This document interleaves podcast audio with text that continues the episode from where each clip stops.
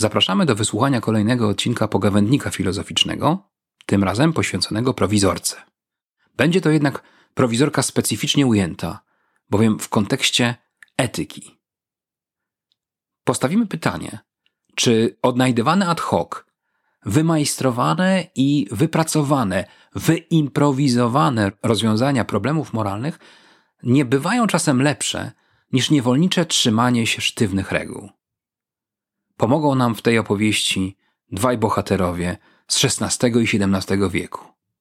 Najpierw młodszy René Descartes, czyli Kartezjusz, znany autor tzw. Tak etyki tymczasowej, a potem i przede wszystkim autor inspirującego nas wciąż dzieła pod tytułem Próby, wielki humanista XVI wieku Michel de Montaigne.